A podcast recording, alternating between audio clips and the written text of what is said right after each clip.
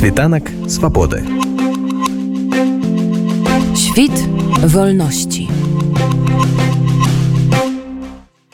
Яшчэ восень мінулага года ў беларусі адбылася амаль тотальная зачыстка большасці арганізацыяў грамадзянскай супольнасці. Асабліва пацярпелі экалагічныя арганізацыі ліквідаваныя экалагічныя арганізацыі якія якіх абвінавачвалі ў палітызацыі сваёй дзейнасці. Экадом ахова птушак бацькаўшчыны багна ліквідаваныя. Цяпер за дзейнасць ад іхняга імя ў беларусі можна патрапіць за краты. Той жа ахове птушак ставіўся ў віну змешчаны недзе вокліч птушкі з народам. Але ж экалагічныя праблемы нікуды не зніклі як не зніклі тыя хто да іх неабыякавы хтосьці з таких людзей мусіў эвакуявацца з беларусі нехта працягвае жыць на радзіме але ці ёсць у іх магчымасць атрымаць кваліфікаваную дапамогу у развязанні экалагічных праблемаў? У ініцыятыве зялёны телефон упэўнена кажуць так. по пра магчымасці якія надае ініцыятыва як жыхарам беларусі так і беларусам і беларускам якія вымушана пакінулі краіну. Про тое ці адчуваецца зніжэнне экалагічнай актыўнасці наших людзей і про тое куды можна звяртацца каб не пакінуць сам насам з бесчалавечным дзяржаўным апаратам наше ўлонне мы паразмаўлялі з менеджеркай ініцыятывы зялёны телефон палінай бурко Паліна распавядзіце каля ласка як зараз жыхары беларусі тыя беларусы якія можа знаходзяцца па-за межамі могуць удзельнічаць у вырашэнні экалагічных праблемаў па месца свайго жыхарства альбо сваіх родных мясцінах? Ці могуць яны звяртацца да нейкіх арганізацый якія могуць ім дапамагчы вырашыць тыя ці іншыя праблемы? Так насамрэч існуе некалькі варыянтаў такога так скажем экалагічнага актывізму зараз і для людзей якія ў краіне знаходзяцца і які знаходзяцца за мяжой мы заўсёды публікуем розныя грамадскія абмеркаванні якія адбываюцца наконт будаўніцтва розных праектаў напрыклад будаўніцтва заводаў чыгуначнай дарогі напрыклад і так далей. і на іх заўсёды ёсць такой такі документ завецца по-руску авоз отчет на навакольнай сяроддзе по-беларуску могу сказаць наконт яго можна заўсёды ну яго можна прачытаць можна знайсці нейкія рэчы з якімі можа быть чалавек незгодны і даслаць свае заўвагі завагі можна даслаць спакойна за мяжы я сама гэта раблю вельмі часта гэта просто пішацца прыпісваецца свой адрес по прапісы беларускія і ніякіх праблем ніколі не бывае. Таксама калі хочуць звычайна гэтыя абмеркаванні адбываюцца онлайн але таксама можна падаць заяву на офлайн сход фізічны. Гэта таксама можна зрабіць за мяжы тому что многія на нашым досведзе баяцца рабіць такія запыты краіне знаходзішся але многія хочуць наведаць такое мерапрыемства. Ну для гэтага можна прасіць дапамогі у кагосьці хто знаходіцца за мяжой каб яны даслалі запад і і далі ўжо звычайна на сайтах выканкамаў напісана куды можна прыйсці як можна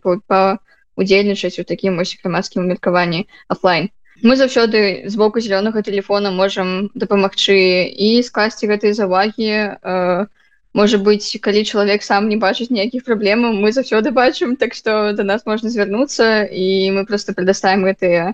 праблемы якія могуць быць і тады ўжо чалавек можа напісаць э, забіць запад. а і мы таксама дапамагаем запытам на правядзенне офлайн схода у нас ёсць шаблоны таксама будзем рады калі будуць звяртацца до нас. Калі вось адыходзіць з грамадскіх абмеркаванняў і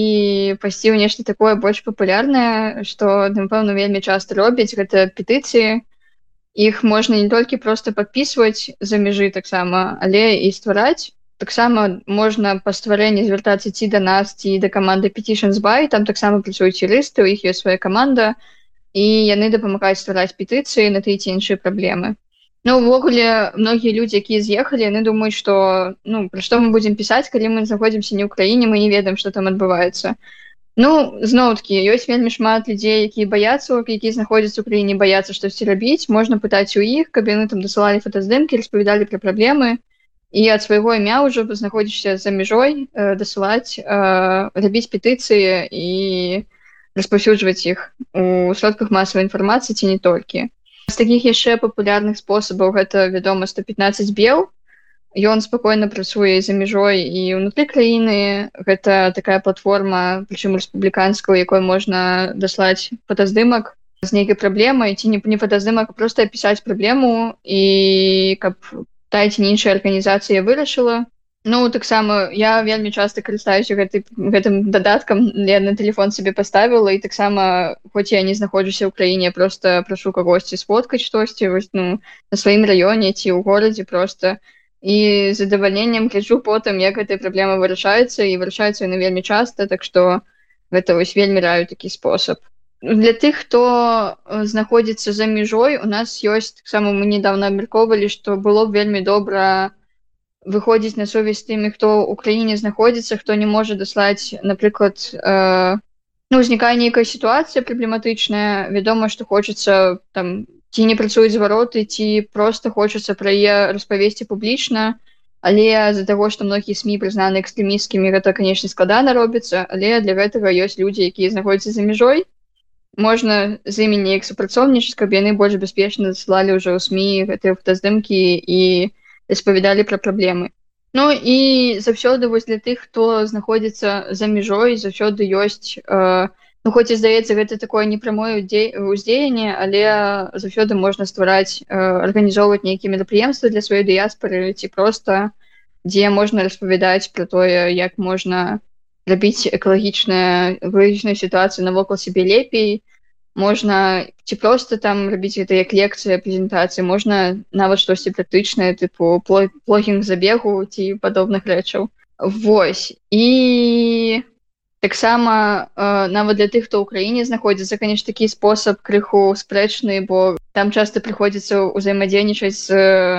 дзяржаўнымі установамі але можна заўсёды арганізаваць прыборку смецця э, амаль на любой тэрыторыі для гэтага таксама у нас ёсць шаблон звароту звычайна робіцца праз выканкам ці праз жэс э, і часам яны нават ідуць насустрач яны дапамагаюць яны таксама далучаюцца і у нас ёсць некалькі абанентак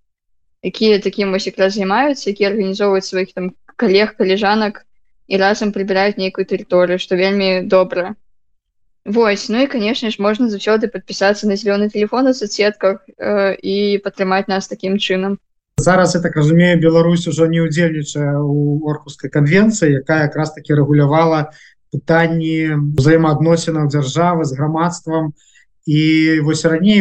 зеленые актывісты могли спасылацца на отпуску конвенцию патрабуючы большай галоснасці скажем так открытасці у вырашэнні экалагічных пытанняў. Я вось напрыклад ведаю аднаго з удзельнікаў ініцыятывы зеленый дозор зараз ён палітвязень павел наздрат які з мазарабу ён mm -hmm. дамагаўся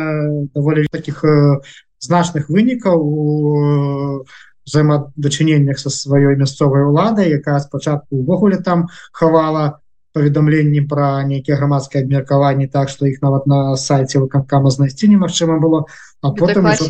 можа пачала друкаваць у газетах. Наколькі зараз вось калі краіна вырашыла ну, та, скажем порваць взаемаадносіны з органамі оркускай конвенцыі выйсці з самога з этой дамовы вось магчыма людям дамагацца дзяржавы вось адкрытасці і нейкай супрацы ў вырашэнні экалагічных пытанняў Ну насамрэч зараз гэта больш гульня по іх правілах так скажем по правілах дзяржавы але часам яна бывае паспяховай то бок просто выкарыстоўваюцца тыя законы якія былі створаны гэтай жа дзяржавай і ну часам канешне э, наша праца выглядае так што просто мы адбіваемся нашими зваротамі адбіваем адказ на наш нейкі зварот нашими іншымі зваротамі гэта крыху забаўна але заўсёды у Ну, так як у нас у краіне такая іерархія вельмі моцная гэтых арганізацый усіх хтосьці падпарковваецца камусьці заўсёды ёсць выйсце часам нават э, вельмі такое цікавае незвычайнае калі прям зусім да нейкіх вяркоў э, спрабуюць э, дагрукацца. Але увогуле так але ў нас не працуюць законы самае часта што дапамагае гэта канешне э, супрацоўніцтва сМ калі праблема пачынае быць вельмі гучнай у медыа яе адразу пачынаюць вырашаць. І гэта хоць нават і зараз як я уже казала сМ многі прызнаны экстрэміскімі ўсё роўна э, гэта працуе. А вось наколькі зараз адрозніваецца разгляд зваротаў накіраваных ну, зразумела праз нейкія электронныя сродкі э,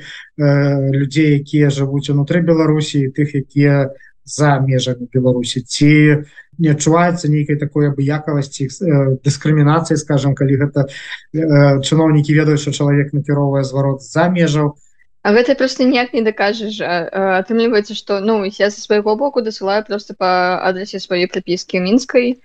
І па-першае вядома што не ўсе людзі ведаюць што я жыву за мяжой і я просто дасылаю іх звычайная грамадзянка сваёй краіны і маю на гэта поўнае права по-другое няма некай працэдуры то бок калі ўсё правільна запоўнена калі ёсць усе дадзеныя адмовіць у просто праігнараваць зварот немагчыма гэта забаронена і калі ўсё ж ігнаруецца то трэба ўжо пісаць у арганізацыю якая стаіць вышэй гэта будзе парушэнне і ну то бок на маім досведзе на нашым досведзе ўвогуле за апошні час такіх праблемаў не было ніколі. Зараз нейкія арганізацыі куды таксама могуць звярнуцца людзі якім неабыякавыя экалагічныя праблемы ёсць э, не толькі арганізацыі менавіта экалагічнага экалагічнай тэматыкі але і проста розныя якія могуць дапамагчы у тым ліку з экалагічнымі праблемамі перш усё гэта petition бай які я ўжо называла э, куды можна звяртацца э, там дапамагае каманду тым ліку юрыстаў ствараць петыцыі і распаўсюджваць іх па медыа